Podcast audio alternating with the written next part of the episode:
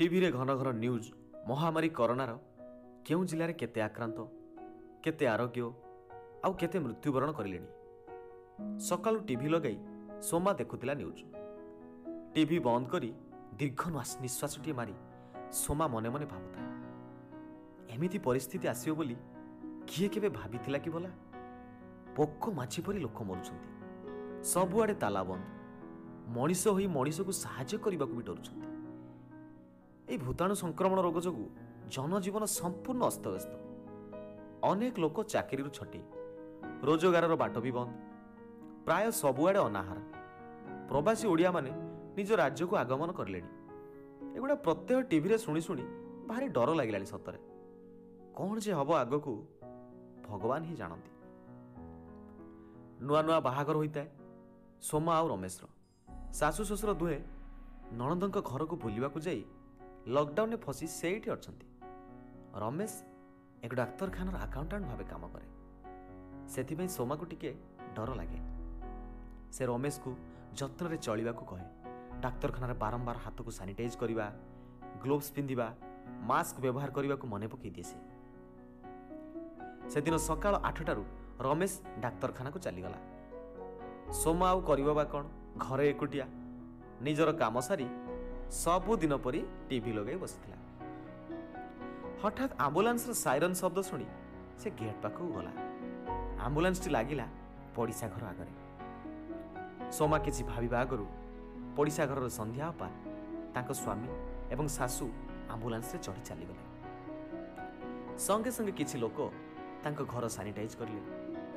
ତାଙ୍କର ତଳ ଉପର ହୋଇ ଦୁଇଟି ପୁଅ ବୟସ ପାଖାପାଖି ଦଶ ଆଉ ବାର ବର୍ଷ। ହେବ ସୋମା ଭଳି ସମସ୍ତେ ନିଜ ନିଜ ଘର ଭିତରେ ଥାଇ ଦେଖୁଥାନ୍ତି ଏ ଦୃଶ୍ୟ। ସୋମା ଘର ଭିତରକୁ ଆସି ଧକ୍କା ମାରି ସୋଫା ଉପରେ ବସି ପଡ଼ିଲା କିଛି ଦିନ ହେବ ପୂର୍ବରୁ ସନ୍ଧ୍ୟା ବାପାଙ୍କ ସ୍ୱାମୀ ଓଡ଼ିଶା ବାହାରୁ ଆସି ସଙ୍ଗରୋଧ କେନ୍ଦ୍ରରେ ଥିଲେ। ଚଉଦ ଦିନ ପରେ ମଧ୍ୟ ତାଙ୍କର କିଛି ଲକ୍ଷଣ ଆସିନଥିଲା। କିନ୍ତୁ ପାଖାପାଖି ମାସେ ପରେ ଲକ୍ଷଣ ଆସିବାରୁ ଘରର ସମସ୍ତେ କୋଭିଡ ଟେଷ୍ଟ କରିଥିଲେ। ସନ୍ଧ୍ୟା ବାପା ତାଙ୍କ ସ୍ୱାମୀ ଆଉ ଶାଶୁଙ୍କର ପଜିଟିଭ୍ ଆସିଛି। ଛୁଆ ଦୁଇଟାଙ୍କର ବୋଧ ନେଗେଟିଭ୍ ଛୁଆ ଦୁଇଟାଙ୍କର କଥା ମନେ ପଡ଼ିବା ପରେ ସୋମା ପୁଣି ଧାଇଁଲା ଗେଟ୍ ଆଡ଼େ। ପିଲା ଦୁଇଟି ଘର ପିଣ୍ଡାରେ ମନ ଦୁଃଖ କରି ବସିଥିଲେ। ପଡ଼ିଶା ଘରୁ ପଜିଟିଭ୍ ବାହାରିବାର ଦେଖି ସମସ୍ତେ ନିଜ ନିଜ ଘର ଭିତରେ ସାନିଟାଇଜ୍ କରିବାରେ ବ୍ୟସ୍ତ।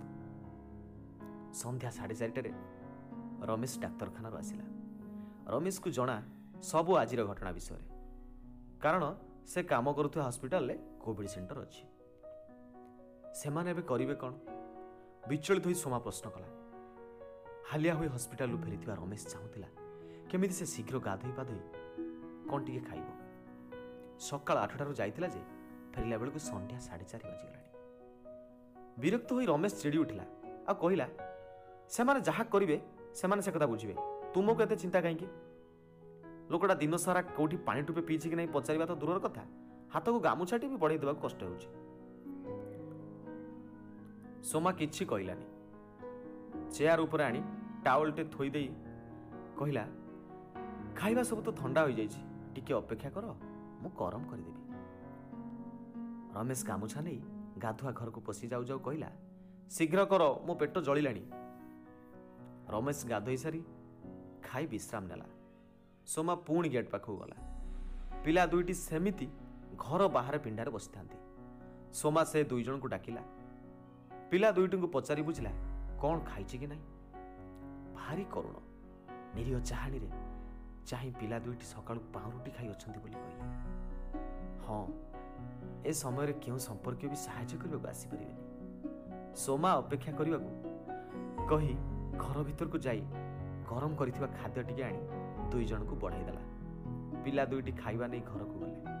ସନ୍ଧ୍ୟା ପ୍ରାୟ ସାତଟା ବେଳକୁ ରମେଶକୁ ପିଲା ଦୁଇଙ୍କ କଥା କହିଲା। କ'ଣ ଖାଇବେ ସେମାନେ? କେମିତି ରହିବେ? ରମେଶ ବୁଝିପାରିଲା ସୋମାର ସନ୍ଧ୍ୟା ଅପାଙ୍କର ସ୍ୱାମୀଙ୍କ ଫୋନ୍ ନମ୍ବର ରଖିଥିଲା ରମେଶ। ଫୋନ୍ କରି ଭଲ ମନ୍ଦ ବୁଝିଲା ସେମାନଙ୍କ ଶେଷରେ ସୋମା ସନ୍ଧ୍ୟା ବାପାଙ୍କୁ କହିଲା ଯଦି ଅନୁମତି ମିଳେ ତୁମେ ସବୁ ଆସିବା ପର୍ଯ୍ୟନ୍ତ ପିଲା ଦୁଇଟି ଆମ ଘରେ ସେପଟୁ ସନ୍ଧ୍ୟା ବାପା ଛୋଟ ପିଲା ପରି କାନ୍ଦି କାନ୍ଦି କହିଲେ ଏଥିରେ ଅନୁମତି ନେବା କ'ଣ ଦରକାର?